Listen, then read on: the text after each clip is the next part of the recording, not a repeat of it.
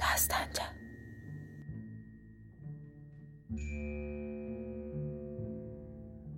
Təbriz çar qazaqları əlində. Mən Səttarxanın qərargahı olan Əmirəqızdan keçib Leyləva məhəlləsinə getməli idim. Küçələrdə bu günə qədər görünməyən simalara təsadüf edirdim. Bu gün Çar ordusunun pişdar dəstələri Təbrizə girəcəkdi. Çar himayəsində olanların qapıları çar bayraqları ilə bəzənmişdi.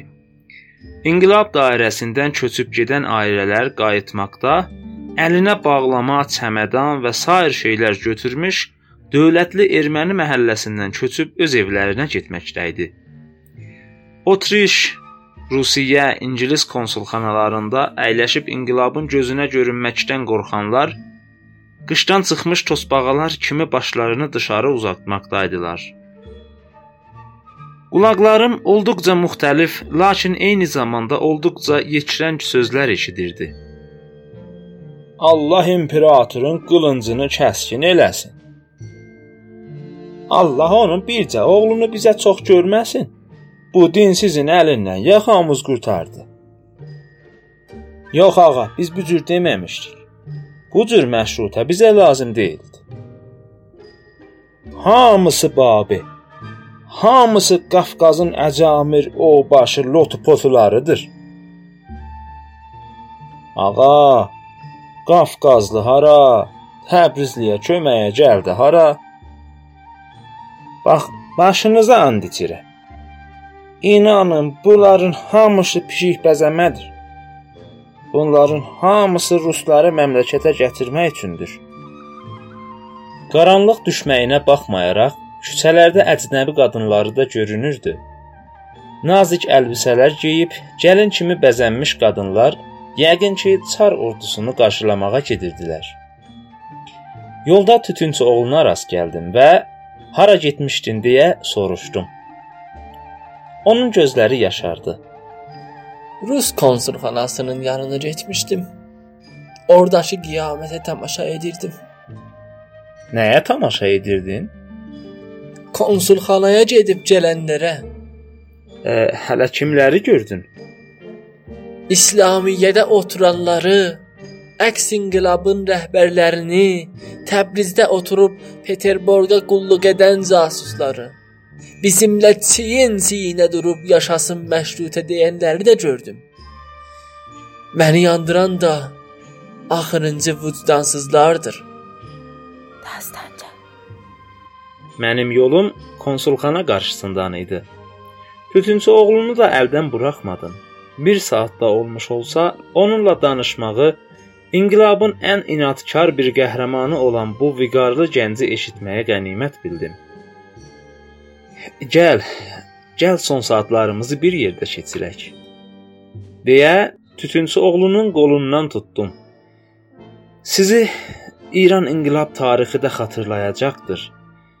Ancaq mənim bir arzum vardır ki, O da sizin zidd inqilab atdığınız bombaların səsini bir daha eşitməkdən ibarətdir. Bu sözdən sonra tütünçü oğlu məni qucaqladı. Öpüşüb ikimiz də ağladıq. Konsulxana qarşısında getməyimiz o qədər də qorxulu değildi. Çünki həm paltarlarımızı dəyişib İngilis konsulxanası işçilərinə məxsus paltarlar geyinmişdik, həm də hava qaranlıqlaşırdı. Konsulxanaya yaxın küçələrdə gediş-gəliş qeyri-adi bir şəkilə salınmışdı. Burada çar bayrağı satmaq üçün kiçik bir dükan açılmışdı. Bayraq almaq istəyənlər növbəyə durmuşdular.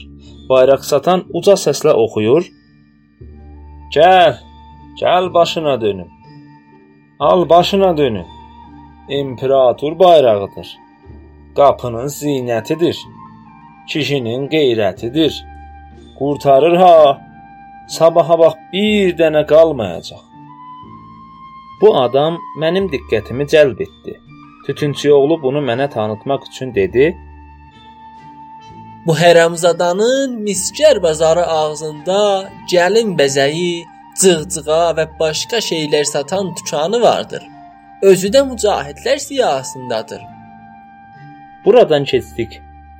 Konsul hava qapısında doğrudan da bir qiyamət qopmuşdu.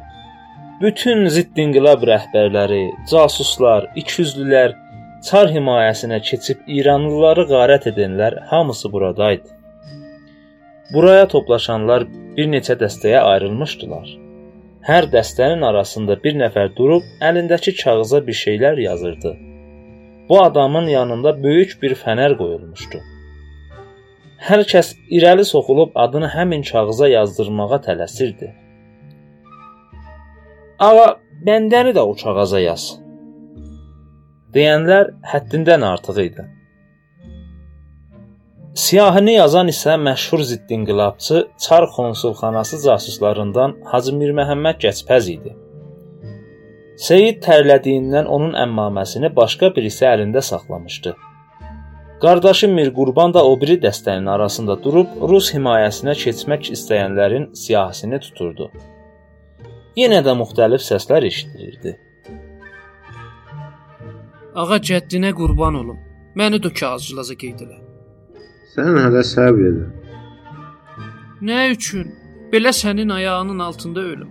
Özün bilirsən, biz dədə-babadan konsulxanaya nökərçilik eləmişik.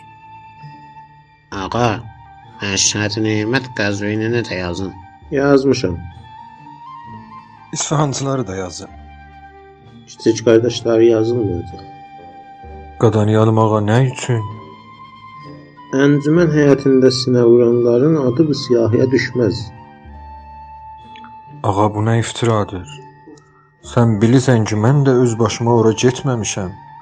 Məni göndəriblər getmişəm. Sonra danışarıq. Vasmında cənablarını da yazın. Bu saat Hadisətlər Xamni, yazılıb. Gocani, Bu saat. Xiyabanı və əxəlləri. O da gözümüzdə. Fişəngçilər, Olmaz. nə üçün? Məşrutiyyə fişəng satanlar İslamın düşmənidir. Yalançının cəddi özünə qanım olsun. Kəs səsini cakeş. Cakeşin səsi gəlir. Dalı çəkilli fikrin bilirsən. Gədə kimə lifcir deyirsən? Sənə, Mənə? nə mənə? Adlarını çar himayəsi cədvəlinə yazdıranlar möhürlərini də çıxarıb adlarının altına basırdılar.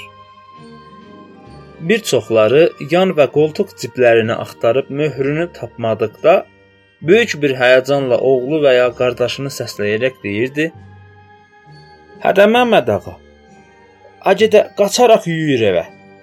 Möhrüm qələmdandadır. E, qələmdan da çəmədandadır. Orada olmasa rəfdədir. Rəfdədə olmasa pəncərənin yanındakı taxtadakı mücrünün dalısındadır. Tez ol yürür qoçum. Daha yubanma o vaxt deyil ha. Özünü öldür. Məni qurtar. Buradan keçib başqa bir dəstəyə rast gəldik. Bunu da Hacı Fərəd Sərrafın oğlu Mirzağa idarə edirdi. Dastanca. Biz artıq konsulun qapısına yaxınlaşmışdıq. Burada zidd-inqilab rəhbərlərinin konsulxanaya toplandığını aydınca göstərən yüzlərcə məxmər palanlı eşşək saxlanılmışdı. Birazdan sonra zidd-inqilabın ştabi olan İslamiyyə qəhrəmanları dışarı çıxdılar. Ağ eşşəklərə səvar olub Dəvəçi məhəlləsi lotularından kababçı Həsən, Kazım Davakəroğlu, qulağı kəsiy ələskər və sairələri ağaların üzəngilərini tutub uzun qulaqlara mindirdilər. Ağalar yola düşüb onların dalınca da gür salavat çəkib hərəkət etdilər. Bunlar Çar qoşununun istiqbalına gedirdilər. İnqilabçı Təbrizin müqəddəratını Çar generalı Sinariskinin əlinə tapşırmağa tələsirdilər. Biz durub baxırdıq. Salavat səsi hələ eşidilməkdə idi. Biz qayıtdıqda bir piyada dəstə də Acı körpüsünə tərəf gedirdi. Qayıtmışdıq. İkimiz də düşünürdük. Mən birdən-birə tütünçü oğluna müraciətlə Təbrizlə vidalaşacağımı söylədim. Gəl biraz da öpüşək əziz yoldaş. Bəlkə bir daha görüşmək mümkün olmadı. Biz Təbrizi tərk edirik e, Təbriz indi bizim deyil. Zidd-inqilab əlindədir. İndi gərək bütün qüvvəmizi Tehranın alınmasına sərf edək. Öpüşüb ayrıldıq. Küçəmizi dəyişdik. Mən gedirəm, amma Tütüncü yolunun inqilab günlərindəki qəhrəmanlıqlarını nəzərimdə canlandıraraq gedirəm.